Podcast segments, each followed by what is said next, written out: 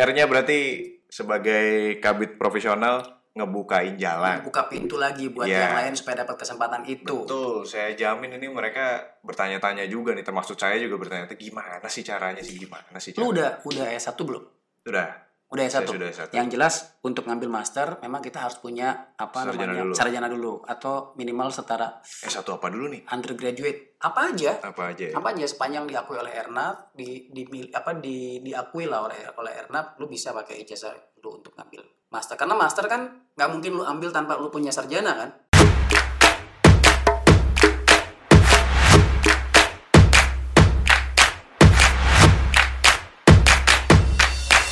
Systems break, stop transmitting, and this is your ITC speaking.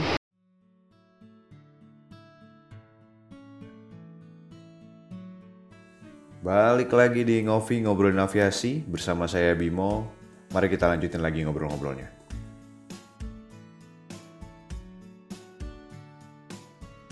Ada nggak pengalaman menarik di Perancis tuh yang budayanya jauh banget sama Indonesia tuh, yang bikin kita tuh kok gini banget di Perancis ya? Aduh, banyak sih Di. Indonesia begini, sini gini, terus atau kalau yang eh, ibadah gimana tuh? Susah nggak? Sholat Jumat gitu gimana tuh? Itu sih yang gua agak Nah, sedikit itu. gimana ya? Jadi nonton bola tahu-tahu nggak jumatan gitu kan? Iya, Gimana iya, tuh? iya. Padahal kan kalau tiga kali.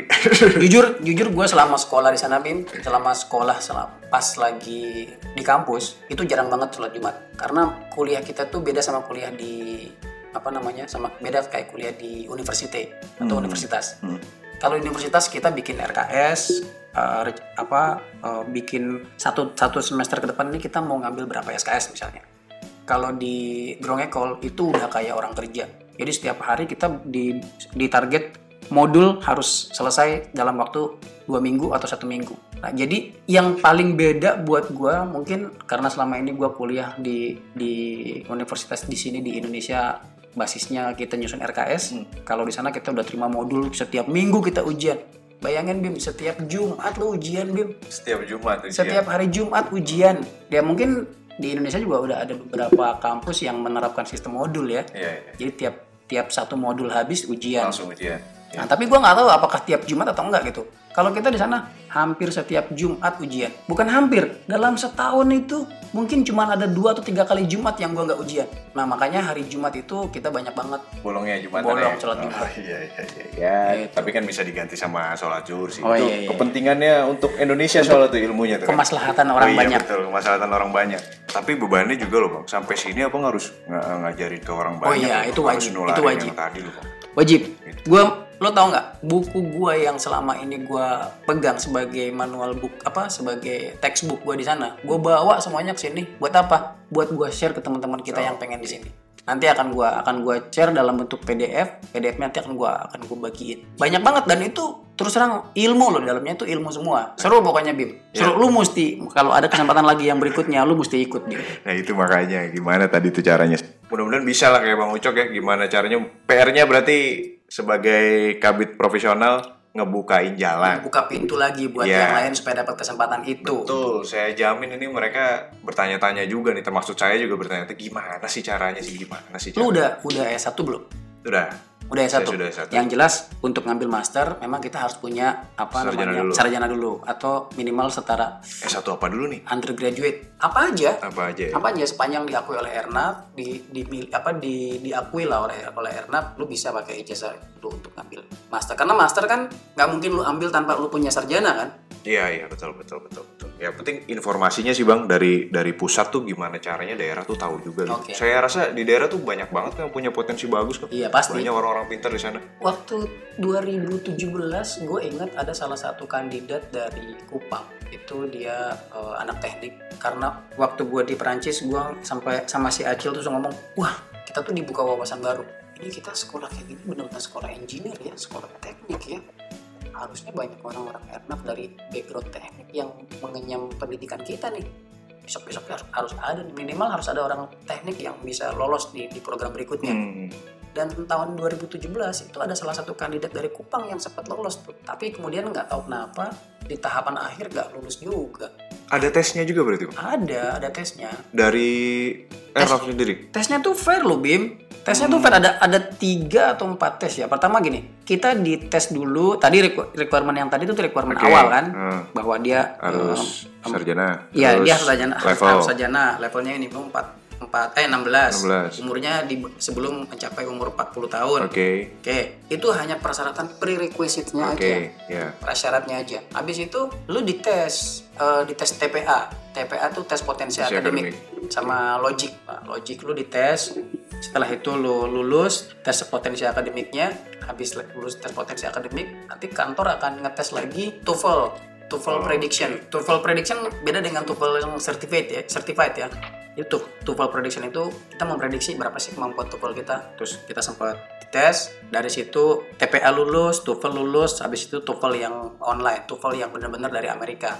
Jadi udah ada jadwal dalam satu bulan itu setiap bulan kalau nggak salah dua dua minggu sekali ujian dan itu di Jakarta udah ditentukan tanggal sekian jam sekian kita harus ujian itu benar-benar TOEFL yang uji dari dari ada beberapa berapa tes kan TOEFL ada yang IBT ada yang ITP ada yang internet based test ada yang apalagi ya ITP itu Apa tuh? ala pokoknya ada yang paper ada yang internet nah kita yang IBT Oh, TOEFL yang IBT. Kalau yang biasa pendengar skor TOEFL itu antara 500, 600 gitu kan, Ya, itu 650. Itu itu TOEFL yang ITP. ITP. Ya, Oke. kalau yang IBT itu paling tinggi skornya 120. Oh. Scale-nya gitu. scale-nya beda dengan scale yang Oke. 500, 600 dan 650 itu beda. Tapi kurang lebih tesnya hampir sama nggak? Kurang lebih Kurang sama. lebih sama. Cuman Oh. sistem scoringnya aja yang beda. Oh. Nah, persyaratan untuk bisa lulus itu dulu disyaratkan dari pihak si enaknya sana itu 80 skornya. Minimum 80. Ya, untuk yang IBT 80, untuk yang ITP 550 minimum. Nah, terus nah kita udah udah lulus tuh tes yang eh, TOEFL-nya. Jadi tadi udah TPA ya. Habis TPA, TOEFL prediction, terus TOEFL yang real yang realnya dengan Amerika dengan TOEFL-nya sendiri. Lalu yang keempat, setelah itu semua kita bikin semacam motivation letter. Oh. Motivation letter tuh semacam ya semacam esai pendek sih? ya esai pendek lu tuh pengen sekolah apa dan setelah lu lulus lu pengen ngapain? Oh, target lu oke. apa? Nah, terus lu kirimkan esai pendek itu sama CV lu ke sana ke enak nanti enak yang akan ngecek orang ini eligible atau enggak? Berarti yang menilai sana ya? sana. Jadi pertama dites dulu di sini di Ernaf setelah Ernaf lulus tes nanti kemudian dites TOEFL-nya. Setelah TOEFL-nya lulus di- dikirimkan semua CV-nya ke pihak sana. Nanti sana yang akan menyeleksi mana yang eligible untuk ikut program ini. Acil sama gua sama sistem engineering ulul di safety management for aviation Nah di sistem engineering sendiri ada jurusan. Jadi kita setelah kita masuk ke dalam sistem engineering tiga bulan awal itu kita akan belajar yang sama, kurikulumnya semua sama, modulnya sama, Bareng lah ya. bareng. Jadi kita belajar tentang navigasi, kita belajar tentang engineering, kita belajar tentang eh, manufaktur, kita belajar tentang pesawat terbang, kita belajar tentang avionik, kita belajar tentang apa namanya bisnis, kita belajar cyber security, kita belajar macam-macam di situ. Selama tiga bulan awal dan itu di modul. Tiga bulan berikutnya baru kita memasuki tahapan penjurusan. Ada tiga jurusan. Belum ditentukan dari awal berarti? Sudah. Oh, sudah ditentukan. Sudah dari awal. Tapi lu boleh switch di tengah-tengah. Oh, boleh switch. Jadi ada yang jurusan avionik, ada yang jurusan GNSS, Waduh. ada yang jurusan ATM. Nah, yang kita ambil waktu itu karena kita ATC, kita ngambilnya ATM. Sebenarnya kalau kita punya teman-teman dari teknik, itu cocok banget yang jurusan GNSS. GNSS itu dipelajari semua dari mulai satelit, dari mulai satelit itu yang di space segment sama di ground segment, itu semua dipelajari bagaimana bikin algoritmanya, bagaimana bikin peralatannya, bagaimana bikin prinsip kerjanya dari GPS itu semua dipelajari seluk-beluknya dari A sampai Z. Kita tuh pengen banget ada orang-orang kita yang bisa dapetin sekolah di sana dan Tapi ngambil harus- GNSS. Harus ke sana ya, Bang? Ilmu GNSS itu. ya? Di Indonesia ada sih STPI gitu. Kayaknya beda, Beda. beda. Bedanya gini, kita itu di STPI dididik untuk jadi technician. Oke. Technician dan engineer itu beda. Kalau technician, lu diajarin how to do it, how to repair it. Oke. Kalau engineer bukan, you detect the problem and you provide the solution. Hmm. Dengan cara apa? Dengan cara yang tadinya nggak ada menjadi ada.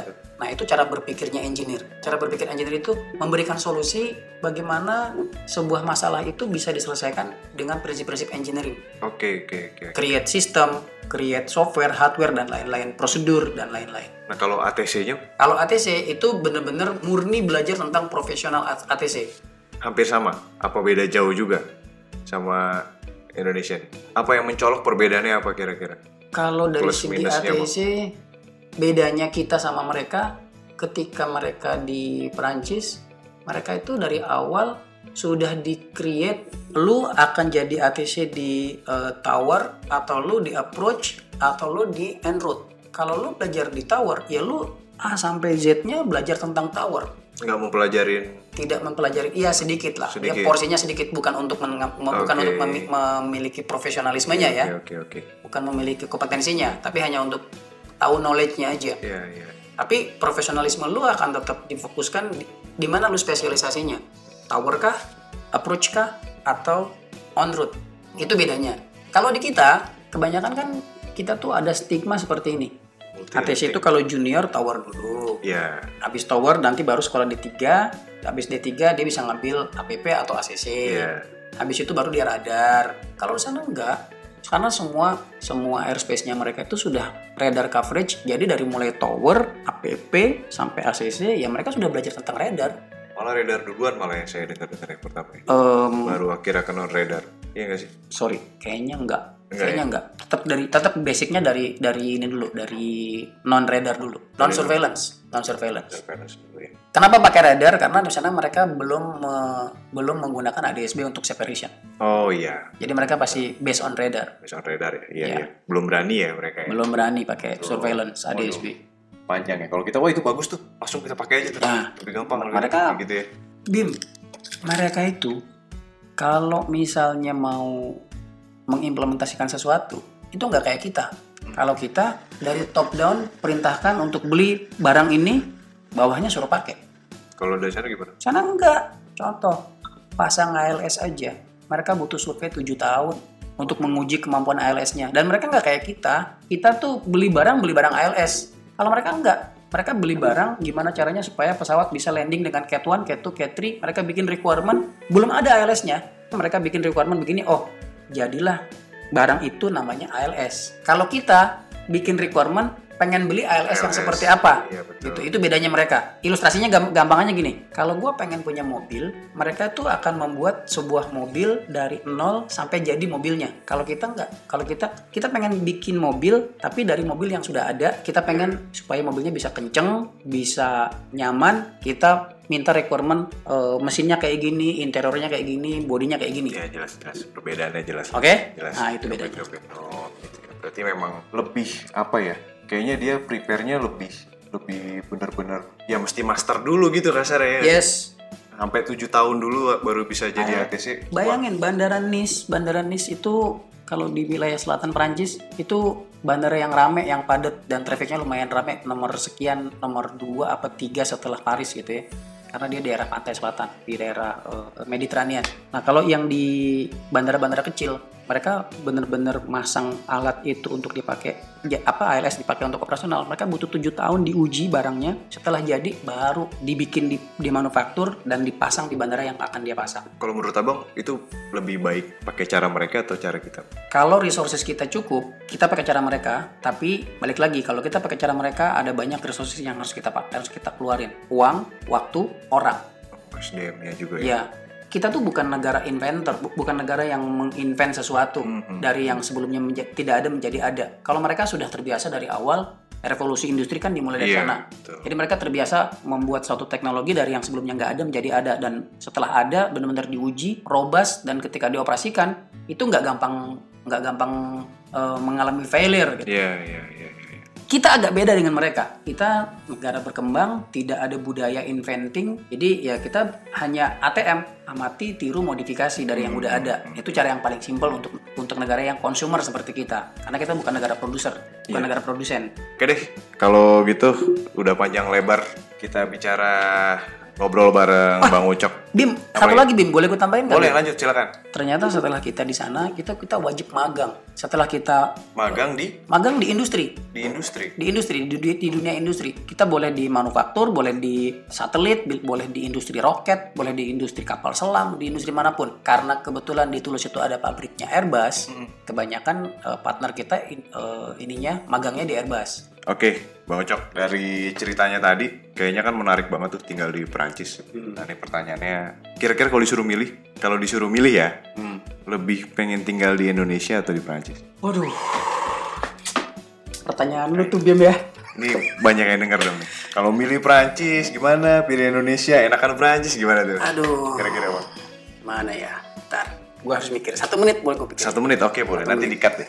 Jadi di dalam kontrak kita itu udah ada klausul ketika selesai pendidikan maka kita ikatan kerja 2N plus 1 dengan kantor. Artinya apa? 2N plus 1 itu berarti gue harus ada ikatan dengan Ernaf itu 3 tahun. Oh. Karena sekolahnya setahun kan. N itu masa sekolahnya. 2N plus 1 3 tahun. Tapi kalau boleh disuruh milih, kalau Ernaf boleh gue kerja di sana Waduh, waduh, tapi waduh, waduh, waduh, waduh, waduh, waduh. Aduh, bisa dibilang murtad nih. Enggak, tapi karena karena gue masih cinta Indonesia, gue cinta. Indonesia, gue akan tetap balik di sini. Oke, keren. Oke, semoga obrolan tadi menginspirasi teman-teman semua. Assalamualaikum warahmatullahi wabarakatuh. See you. Waalaikumsalam warahmatullahi wabarakatuh. Thank you, Bim.